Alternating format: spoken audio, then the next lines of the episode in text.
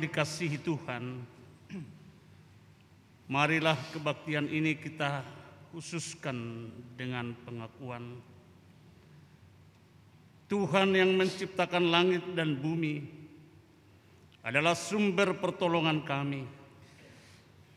Kasih karunia dan damai sejahtera dari Allah Bapa kita dan Tuhan Yesus Kristus ada pada saudara sekalian.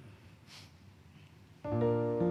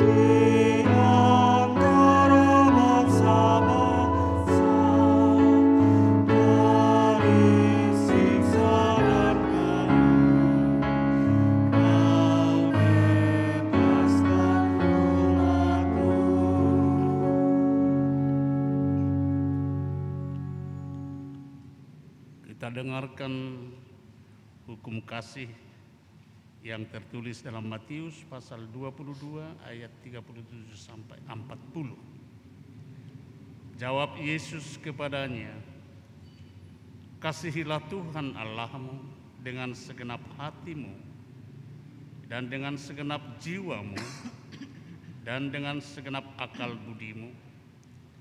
Itulah hukum yang terutama dan yang pertama. Dan hukum yang kedua yang sama dengan itu ialah kasihilah sesamamu manusia seperti dirimu sendiri. Pada kedua hukum inilah tergantung seluruh hukum Taurat dan kitab para nabi.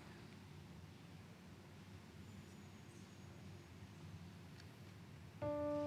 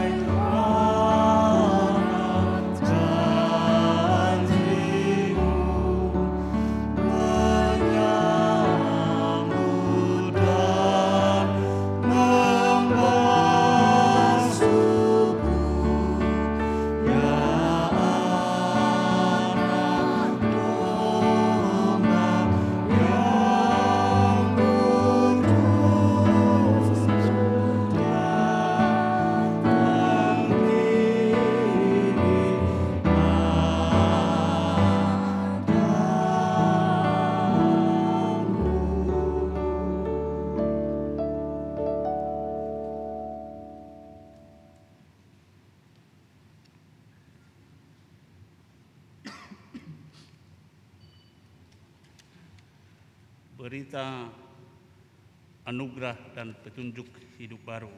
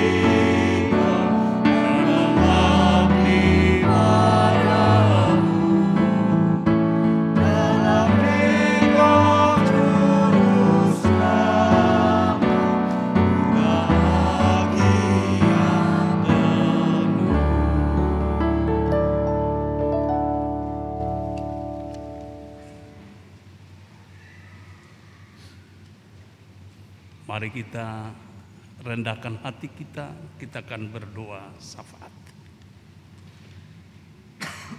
Ya Tuhan Allah Bapa kami yang di surga. Bapa kami di dalam nama Yesus Kristus. Betapa hati kami bersyukur kepadamu di sore hari menjelang malam ini atas penyertaan perlindunganmu Sepanjang hari-hari hidup kami yang kami jalani, Tuhan menyertai dan melindungi kami. Hati kami bersyukur kepada Tuhan ketika saat ini kami boleh berada di rumah Tuhan untuk memuji dan memuliakan namamu. Mengagungkan namamu. Sendengkan apa telingamu ya Bapak dengarkanlah doa-doa syafaat kami. Kami berdoa bagi dunia yang sudah lebih dua tahun dilanda pandemi COVID-19 dan hingga hari ini belum juga tuntas. Engkau Allah yang berkuasa menghentikan segala virus corona ini. Kepadamu kami berserah. Biarlah Tuhan menolong ciptaanmu secara khusus kami manusia di dunia ini. Kami juga berdoa bagi bangsa dan negara kami yang juga masih terus mengalami pandemi COVID-19 berikanlah hikmat bijaksana kepada pemerintah kami agar mereka mampu melakukan hal-hal yang terbaik demi kesehatan seluruh warga masyarakat Indonesia. Kami berdoa bagi Bapak Presiden, Wakil Presiden bahkan semua para menteri para pemimpin kami di daerah, di provinsi, kabupaten, kota, kecamatan, kelurahan atau desa, persatukanlah hati mereka bersama-sama memimpin bangsa ini supaya bangsa ini boleh hidup sejahtera, aman dan nyaman. Kami juga berdoa dan bersyukur kepada Tuhan atas perhelatan acara besar bagi orang Kristen di seluruh Indonesia. Pesparawi tingkat nasional ke-13 yang dilaksanakan di Yogyakarta. Anak-anak Tuhan telah berkumpul dari seluruh Nusantara mewakili 34 provinsi. Kami bersyukur nyanyian pujian kidung kidung pujian telah dinaikkan kepada Tuhan sebagai ucapan syukur kami di kota Yogyakarta ini. Biarlah segala pujian kami boleh berkenan di hati Tuhan. Berkati kiranya panitia nasional, berkati panitia daerah, bahkan siapa pun yang terlibat dalam mempersiapkan segala sesuatu, Tuhan yang memberkati. Kami juga berdoa bagi gerejamu di tempat ini. Para hamba-hambamu, para pelayan, para majelis. Tuhan yang mempersatukan hati mereka untuk melayani Tuhan lewat gerejamu GKJ di tempat ini. Bahkan semua jemaatmu. Apa pun yang menjadi profesi mereka. Apa pun yang menjadi pergumulan mereka. Kami pertaruhkan ke dalam tangan pengasihan Tuhan. Terima kasih ya Tuhan. Bahkan ibadah ini sungguh-sungguh kami serahkan dari awal pertengahan hingga akhir. Biarlah nama Tuhan diagungkan, dimuliakan. Biarlah sukacita dan damai sejahtera Allah boleh menjadi kepunyaan kami sekalian. Di dalam nama Tuhan Yesus Kristus kami berdoa mengucap syukur kepadamu. Amin.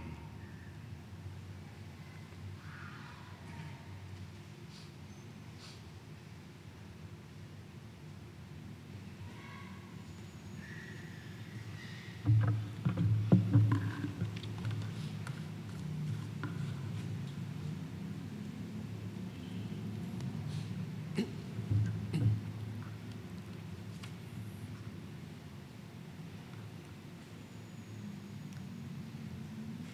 pertama diambil dari dua Raja-Raja 2 ayat 1 sampai 2 dilanjutkan ayat 6 sampai 14 dengan perikop Elia naik ke surga. Menjelang saatnya Tuhan hendak menaikkan Elia ke surga dalam angin badai, Elia dan Elisa sedang berjalan dari Gilgal. Berkatalah Elia kepada Elisa, "Baiklah tinggal di sini, sebab Tuhan menyuruh aku ke Betel." Tetapi Elisa menjawab, "Demi Tuhan yang hidup dan demi hidupmu sendiri, sesungguhnya aku tidak akan meninggalkan engkau." Lalu pergilah mereka ke Betel. Berkatalah Elia kepadanya, "Baiklah, tinggal di sini." sebab Tuhan menyuruh aku ke sungai Yordan. Jawabnya, demi Tuhan yang hidup dan demi hidupmu sendiri, sesungguhnya aku tidak akan meninggalkan engkau. Lalu berjalan, berjalanlah keduanya. Lima puluh orang dari rombongan Nabi itu ikut berjalan, tetapi mereka berdiri memandang dari jauh ketika keduanya berdiri di tepi sungai Yordan. Lalu Elia mengambil jubahnya, digulungnya, dipukulkannya ke atas air itu, maka terbagilah air itu ke sebelah sini dan ke sebelah sana, sehingga menyeberanglah keduanya dengan berjalan di tanah yang kering. Dan sesudah mereka sampai di seberang, berkatalah Elia kepada Elisa, "Mintalah apa yang hendak kulakukan kepadamu, sebelum aku terangkat daripadamu Jawab Elisa Biarlah kiranya aku mendapat dua bagian dari rohmu Berkatalah Elia Yang kau minta itu adalah sukar Tetapi jika engkau dapat melihat aku terangkat daripadamu akan terjadilah kepadamu seperti yang demikian, dan jika tidak, tidak akan terjadi. Sedang mereka berjalan terus sambil berkata-kata, tiba-tiba datanglah kereta berapi dengan kuda berapi memisahkan keduanya. Lalu naiklah Elia ke surga dalam angin badai. Ketika Elisa melihat itu, maka berteriaklah ia, Bapakku, Bapakku, kereta Israel dan orang-orangnya yang berkuda. Kemudian tidak dilihatnya lagi, lalu direnggutkannya pakaiannya dan dikoyakkannya menjadi dua koyakan. Sesudah itu dipungutnya jubah Elia yang telah terjatuh, lalu ia berjalan hendak pulang dan pergi dan berdiri di tepi sungai Yordan. Ia mengambil jubah Elia yang telah terjatuh itu, dipukulkannya ke atas air itu sambil berseru, "Di manakah Tuhan Allah Elia?" Ia memukul air itu, lalu terbagi ke sebelah sini dan ke sebelah sana, maka menyeberanglah Elisa. Demikianlah sabda Tuhan. Syukur.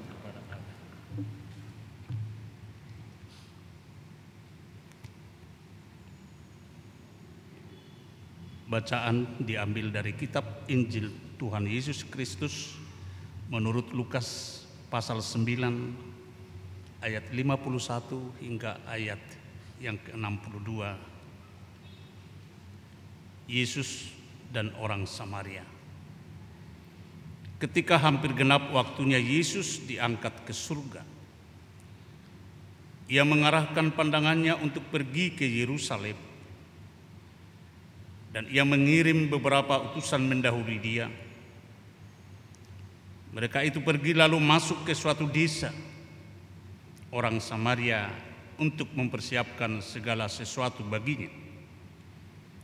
Tetapi orang-orang Samaria itu tidak mau menerima dia karena perjalanannya menuju Yerusalem. Ketika dua muridnya yaitu Yakobus dan Yohanes Melihat hal itu, mereka berkata, "Tuhan, apakah Engkau mau supaya kami menyuruh api turun dari langit untuk membinasakan mereka?"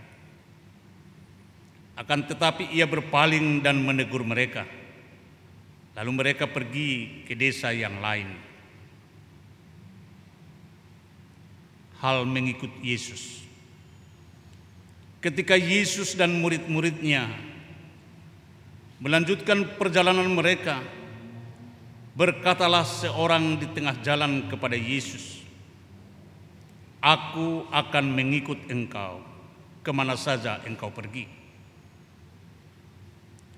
Yesus berkata kepadanya, Serigala mempunyai liang dan burung mempunyai sarang, tetapi anak manusia tidak mempunyai tempat untuk meletakkan kepalanya.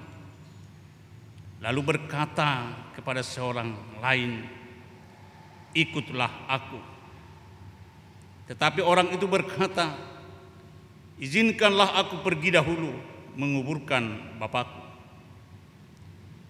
Tetapi Yesus berkata kepadanya, "Biarlah orang mati menguburkan orang mati, tetapi engkau pergilah dan beritakanlah kerajaan Allah di mana-mana. Dan seorang lagi lain lagi berkata, Aku akan mengikut engkau Tuhan, tetapi izinkanlah aku pamitan dahulu dengan keluargaku. Tetapi Yesus berkata, setiap orang yang siap untuk membajak, tetapi menoleh ke belakang, tidak layak untuk kerajaan Allah. Demikian Injil Yesus Kristus. Berbahagialah mereka yang mendengarkan firman Tuhan dan yang memeliharanya. Haleluya. Salam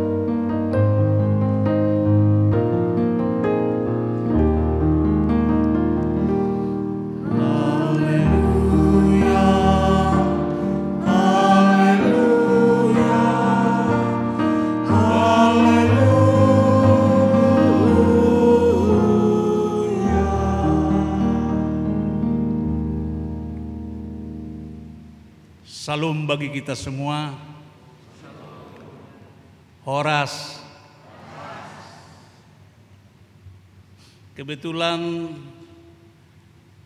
baru kali yang pertama saya hadir di sini menyampaikan firman Tuhan dan semoga bukan kali yang terakhir pula. Terima kasih kepada Bapak Pendeta Bambang, Ketua PG Wilayah Yogyakarta. Uh, saya Pendeta Dr. Eben Siagian, tinggal di Medan dan melayani di Medan sebagai Sekretaris Umum Persekutuan Gereja-Gereja Wilayah Sumatera Utara. Saya datang di Yogyakarta, tiba pada siang hari, hari Sabtu satu minggu yang lalu, dipercayakan oleh pemerintah Kabupaten eh, Provinsi Sumatera Utara dan LPPD Sumatera Utara menjadi ketua kontingen Pesparawi Sumatera Utara. Untuk mengikuti Pesparawi Nasional ke-13 di Yogyakarta ini. Baru saja saya cek ke Medan bahwa seluruh kontingen personil yang dari Sumatera Utara sudah tiba dengan selamat dengan dua penerbangan. Mereka semua sehat-sehat selama ada di sini dan mereka juga sehat-sehat tiba kembali di Medan. Puji Tuhan, sebagai ketua kontingen saya bersyukur kepada Tuhan, saya bergembira atas penyertaan dan perlindungan Tuhan. Bersama saya hari ini ada istri saya, Boru Gultom, orang Batak juga. Silakan berdiri, Inang. Nah, ini. Uh, kemarin waktu saya bawa dari tempat mertua, hanya 45 kilo. Sekarang Bapak Ibu boleh lihat sendirilah. Kita makmurkan dia.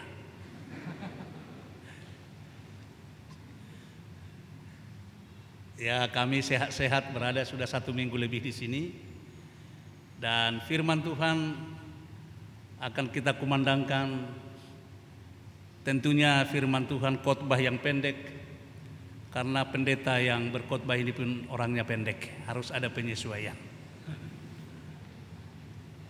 Ada orang Batak di sini selain Pak Situmorang tadi ada Pak Situmorang. ada orang Batak di sini.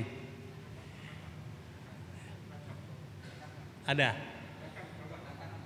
Oh iya. Baik, orang Batak itu berpamili semua, sailing terkait. Akan tanya, "Baru apa mamakmu?" Marga apa mamamu? Kemudian nggak kena. Boru apa? Opungmu. Jadi semua akhirnya sampai kena dia. Nah, terakhir kita pun akan kena karena kita sama-sama adalah keturunan Abraham bapak orang percaya. Amin. Kita bersaudara di dalam Kristus itu jauh lebih indah. Tema khotbah kita hari ini jangan kembali terpuruk sebagai anak-anak Tuhan, pengikut Kristus, jangan kembali terpuruk. Jadi memang hidup ini kita bisa rasakan kadang-kadang jatuh, kadang-kadang bangun. Di Medan itu ada namanya si jatuh, marganya bangun orang Karo. Jadi jatuh, bangun. Kalau jatuh bangun itu bagus. Dia jatuh pada posisi terakhir bangun. Yang tidak bagus kalau dia bangun dulu baru jatuh, maka dia posisinya di bawah. Kalau jatuh bangun itu biasa. Biar jatuh tapi bangun lagi dia, bangkit lagi dia. Seperti Yesus yang dikubur pada hari yang ketiga bangun, bangkit dan hidup kembali. Bapak Ibu jemaat yang dikasihi oleh Tuhan. Ada pantun orang Batak. Ternyata di Jogja ini juga musim pantun. Pantunnya seperti ini nanti saya terjemahkan. Horbonipea Raja, ini masih sekiranya, menggagat di balian. Molo solomoroha gudangma sidalian. Artinya, tadi ada kerbau yang merumput di ladang. Itu terjemahannya. Dan arti yang terakhir, kalau orang tidak suka, kalau orang tidak mau, maka banyak kalilah alasan. Pasti banyak alasan kalau tidak mau. Jadi ini yang terjadi kepada para pengikut Yesus, murid-murid Yesus. Ketika ditawarkan oleh Yesus Mari ikut aku. Lalu yang pertama katakan, dia punya alasan. Bolehlah aku mengikut engkau, ya Tuhan. Aku akan ikut engkau. Tetapi inilah alasan, inilah dalih. Izinkan aku menguburkan orang tuaku dulu. Saudara-saudara, ini adalah sebuah sandiwara untuk menolak ajakan Yesus. Sesungguhnya bahwa orang tuanya tidak sedang, sedang meninggal pada saat itu. Orang tuanya tidak sedang meninggal. Masa dikuburkan orang yang hidup? Tapi begitulah kalau orang beralasan, semua pasti serba salah. Izinkan aku dulu untuk menguburkan orang tua. Ini alasan. Lalu orang yang kedua diajak oleh Yesus supaya mengikut Yesus. Dia katakan, izinkan aku dulu pamitan. Permisi. Saudara-saudara, semuanya tergantung kepada motivasi. Apa motivasi kita untuk mengikut Yesus? Apa motivasi kita untuk mau menjadi murid Yesus? Suatu ketika Simon Petrus sedang menjala ikan di danau dan memang itu pekerjaannya seharian. Lalu pada saat itu dia tidak memperoleh apa-apa.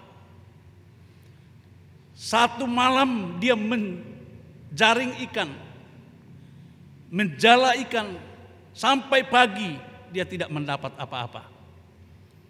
Seekor pun ikan tidak dapat. Jangankan seekor, ekornya saja pun nggak dapat. Betapa kecewanya Simon Petrus atas pengalaman kejadian itu. Di tengah-tengah kegagalan itu, ketika satu malam penuh dia mencari ikan, menjala ikan, tidak mendapat apa-apa. Lalu Yesus hadir pagi-pagi itu. Sekali lagi aku katakan, ketika Simon Petrus gagal, ada Yesus hadir di tengah-tengah kegagalan itu. Untuk apa? Untuk merubah kegagalan itu menjadi keberhasilan yang gemilang. Sejenak Yesus naik di perahu Simon Petrus. Saya yakin ketika itu Yesus memaparkan sesuatu berupa renungan, refleksi atau khotbah singkat. Setelah itu baru Yesus katakan, Petrus, tebarkan jalamu kembali. Tebarkan jalamu kembali. Simon Petrus sejenak berpikir, gimana ya? Pagi-pagi begini, pastilah tidak akan ada ikan lagi di pinggir danau. Semua sudah pada ke tengah. Tapi kalau malam hari biasanya dia di pinggir. Itu menurut pengalaman dan keahliannya sebagai penjala ikan yang punya profesional. Tetapi kalimat Petrus mengatakan, karena engkau yang mengatakan Tuhan. Karena engkau yang mengatakan Tuhan, maka aku tebarkan jalaku. Sekiranya si Andreas, sekiranya si Filipus dan teman-temannya yang lain mengatakan itu, pasti dia tidak akan mau melakukan. Pasti dia katakan, ah sudahlah banyak kali ceritamu, ayolah pulang mana ada lagi ikan di sini. Tetapi karena kau yang mengatakan Tuhan, maka aku tebarkan jalaku. Ketika Simon Petrus melakukan firman apa yang dikatakan oleh Yesus? Lihat apa yang terjadi. Dia tebarkan jalannya lalu dia tarik. Ternyata pukat itu atau jala itu penuh dengan ikan. Penuh dan pengalaman yang luar biasa. Kegagalan sudah berubah menjadi keberhasilan. Siapa yang melakukan? Adalah Yesus. Di mana rahasianya? karena Simon Petrus melakukan apa yang dikatakan oleh Yesus. Bagi semua kita yang melakukan firman Allah akan terjadi sesuatu mujizat. Terjadi hal yang luar biasa bagi orang-orang yang melakukan firman Allah. Sehingga dikatakan sangkin banyaknya. Oleh karena banyaknya ikan di jala itu. Maka jala itu pun hampir koyak. Hampir koyak. Bukan koyak hampir. Kalau koyak ya lepas semua. Sangkin banyaknya ikan di jala itu. Jala itu pun hampir koyak. Sangkin panjangnya khotbah pendeta itu. Maka jemaat itu pun hampir mengantuk. Hampir mengantuk, tidak mengantuk. Berarti masih bisa dilanjutkan khotbahnya.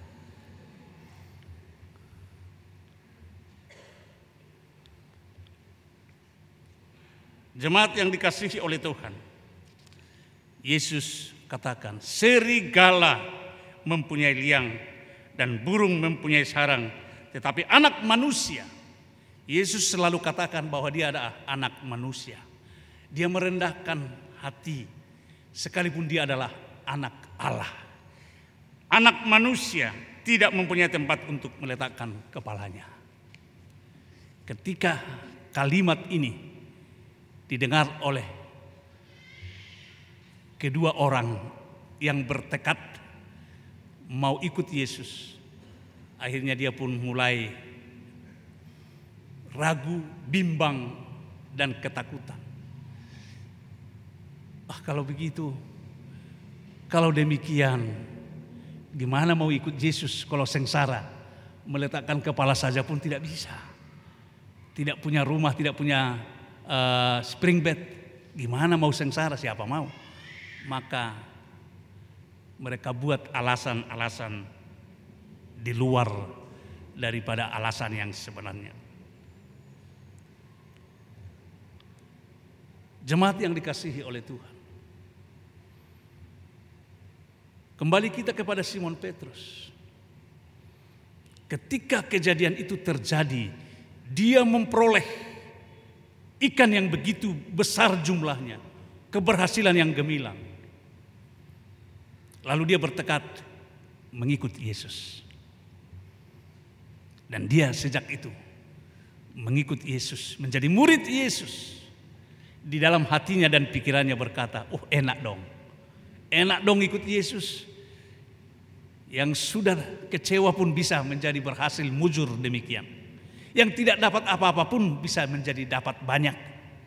Kalau begini, takkan kelaparan kita, takkan sengsara kita ikut Yesus pasti senang sukacita.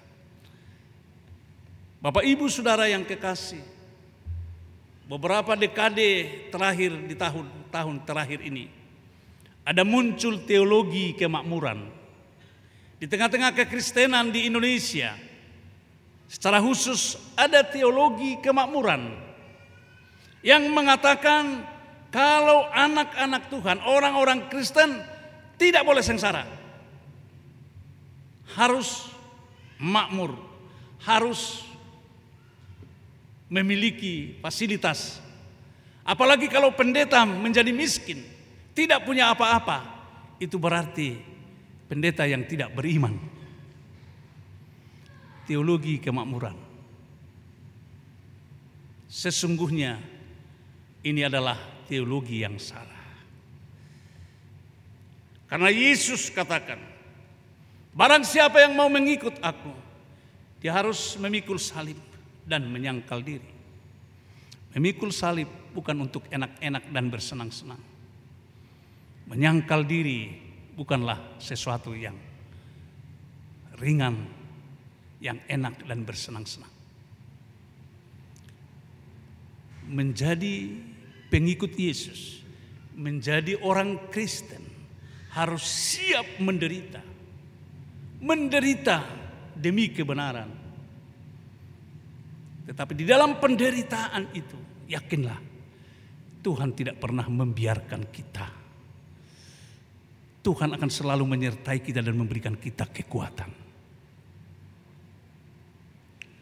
Kembali kepada Simon Petrus. Ketika dalam perjalanannya bersama dengan Yesus, banyak mujizat-mujizat yang terjadi. Banyak hal yang indah, yang enak dia alami dalam perjalanan itu.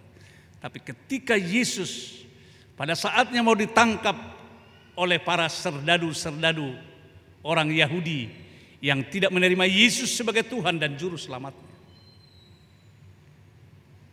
Lalu salah seorang di antara mereka mengatakan, eh ini dia, aku kenal, aku tahu, ini dia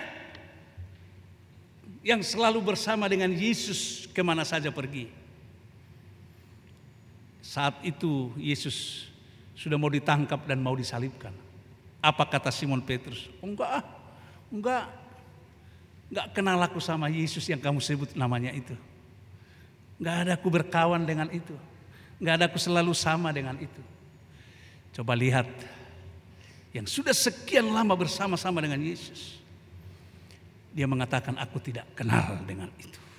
Bahkan dia sudah menikmati bagaimana indahnya bersama dengan Yesus. Tetapi toh dia jatuh kembali.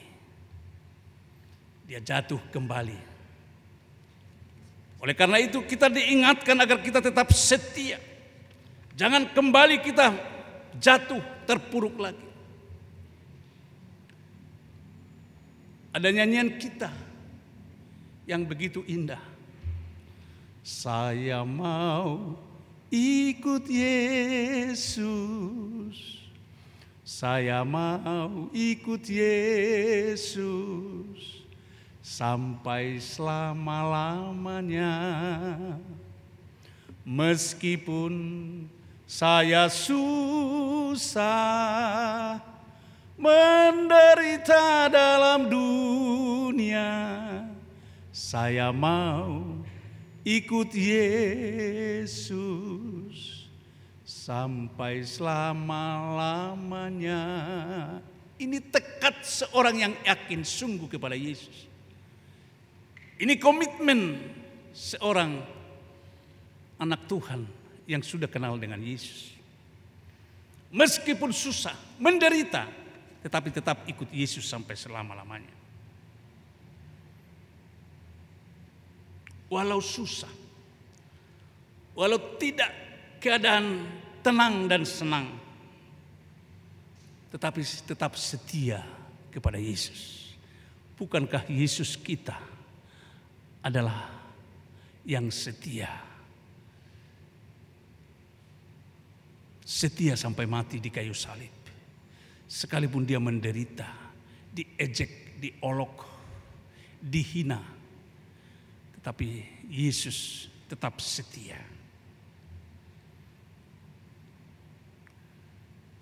Hendaknya kita anak-anak Tuhan pengikut Yesus. Menjadi anak-anak yang setia. Jangan mau terpuruk lagi.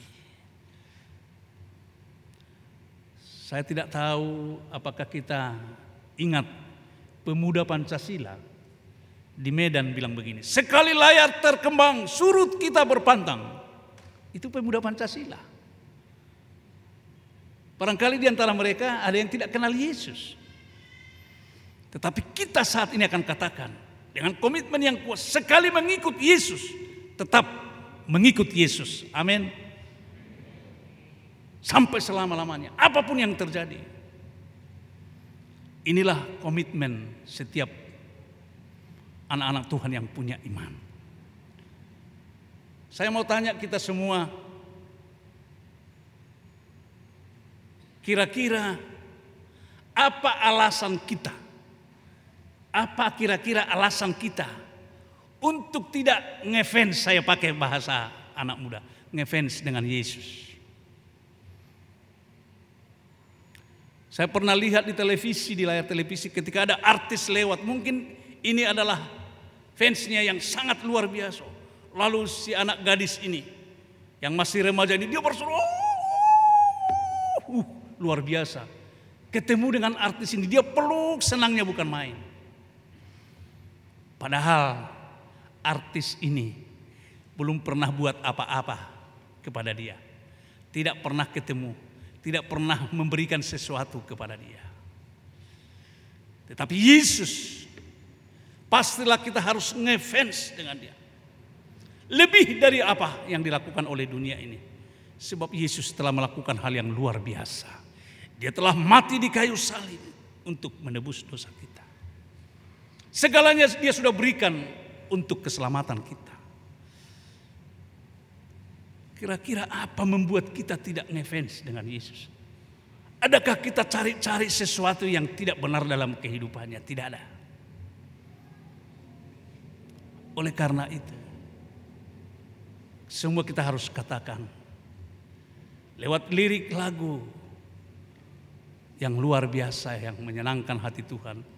Yesus yang termanis buat jiwaku, buat jiwaku, buat jiwaku. Yesus yang termanis buat jiwaku. Ku cinta selamanya.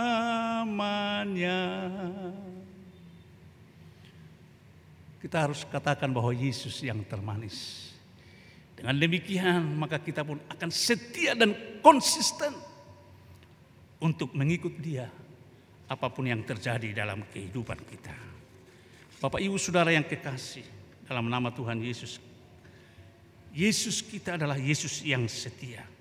Tidak pernah melupakan kita.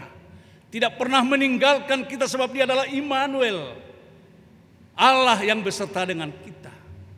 Kitalah yang sering melupakan Tuhan.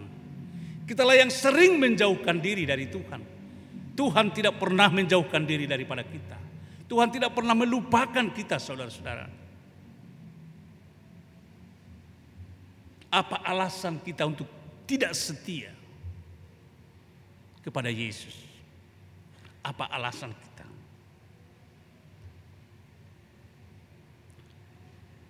Ada orang Batak punya alasan begini, Pak Pendeta, gimana lah Pak Pendeta? Kita ini kan masih daging. Ya, kita kan masih daging. Siapa mau jadi jadi udara? Eh, kita mau jadi daging orang manusia membela diri, membuat alasan. Kenapa demikian? Ya kita kan masih daging yang bisa terpengaruh oleh situasi. Tapi tekad bulat kita setia seperti Yesus yang setia. Tidak terpengaruh oleh situasi dunia ini. Apa pun yang terjadi kita tetap setia. Setialah seperti Yesus yang setia. Jadilah pengikut Yesus. Jadilah murid yang setia. Setia-setialah. Setia sampai mati. Seperti Tuhan Yesus setia sampai mati. Apakah balasanmu untuk kasih setianya? Balasanmu, balasan saya dan saudara. Setia, setia. Setialah sampai mati. Jangan pernah menyerah. Jangan pernah terpuruk.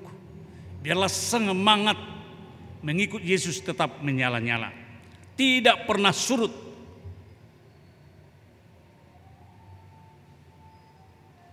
Sebab Tuhan memberikan rohnya untuk kita boleh kuat menghadapi segala sesuatu.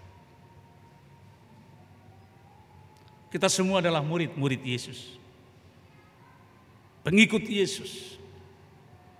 Jadilah setia. Jangan pernah terpuruk. Tetaplah konsisten. Kuat. Untuk mengikut Yesus. Amin. Kita bersatu dulu.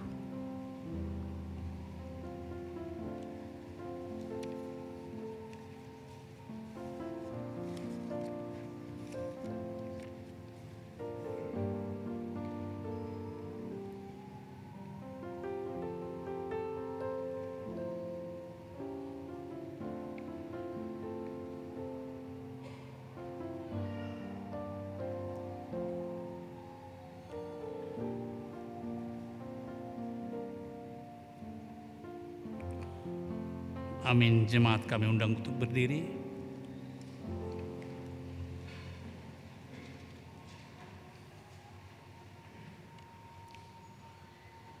Marilah kita bersama-sama mengikatkan pengakuan iman rasuli kita. Aku percaya kepada Allah, Bapa yang Maha Kuasa, Halik langit dan bumi, dan kepada Yesus Kristus, anaknya yang tunggal Tuhan kita, yang dikandung daripada Roh Kudus, lahir dari anak darah Maria, yang menderita di bawah pemerintahan Pontius Pilatus, disalibkan, mati dan dikuburkan, turun ke dalam kerajaan maut. Pada hari yang ketiga, bangkit pula dari antara orang mati, naik ke surga, duduk di sebelah kanan Allah, Bapa yang Maha Kuasa, dan akan datang dari sana untuk menghakimi orang yang hidup dan yang mati. Aku percaya kepada Roh Kudus, gereja yang kudus dan am, persekutuan orang kudus, pengampunan dosa, kebangkitan daging, dan hidup yang kekal.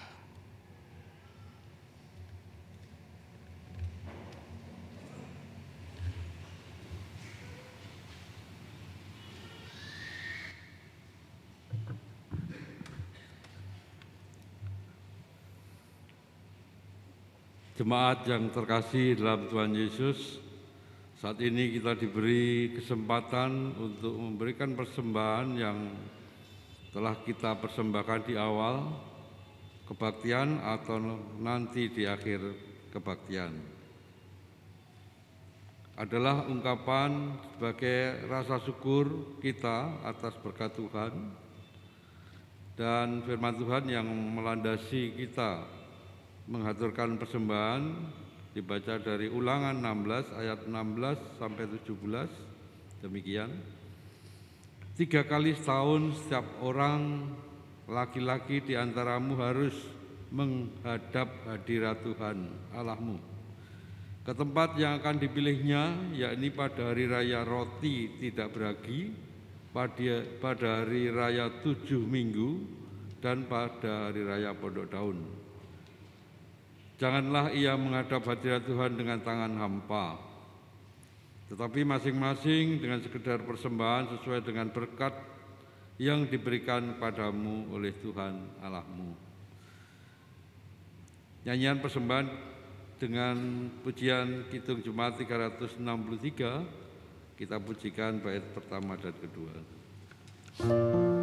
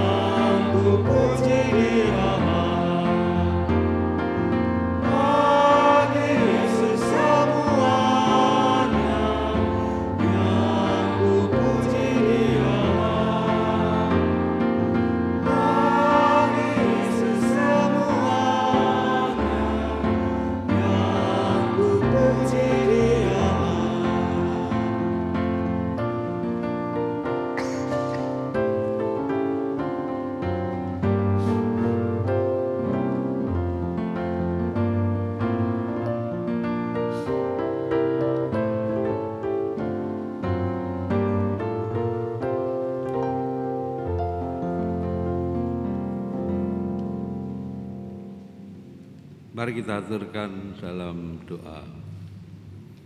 Kembali menghadap kehadiratmu ya Tuhan, mengucap syukur dan terima kasih. Kami boleh melewati hari-hari dengan berkat penyertaan Tuhan, bahkan kami boleh mendapat rezeki dalam kami bekerja, sehingga kami hari ini boleh mempersembahkan yang terbaik untuk kemuliaan nama Tuhan.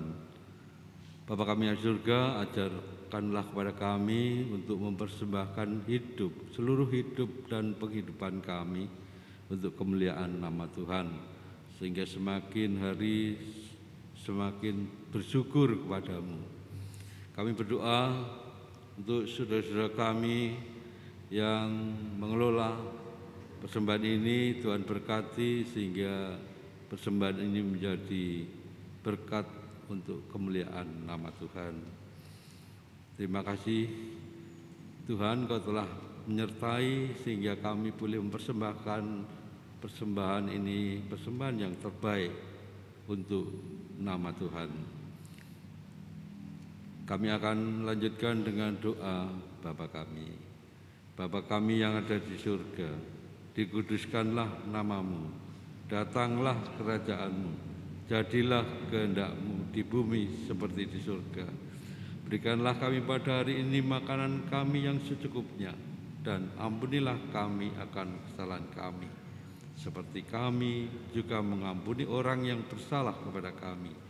Dan janganlah membawa kami ke dalam pencobaan tetapi lepaskanlah kami daripada yang jahat karena engkaulah yang punya kerajaan dan kuasa dan kemuliaan sampai selama-lamanya. Amin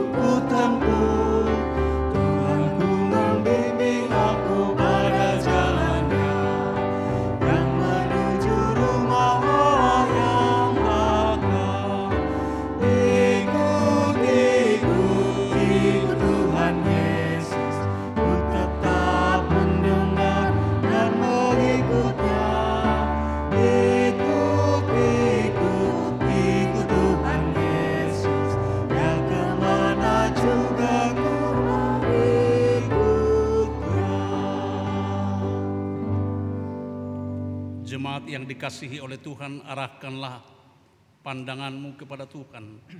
Dialah sumber dari segala berkat untuk menerima berkatnya. Tuhan memberkati saudara dan melindungi saudara. Tuhan menyinari saudara dengan wajahnya dan memberi saudara kasih karunia. Tuhan menghadapkan wajahnya kepada saudara dan memberi saudara damai sejahtera. Amin.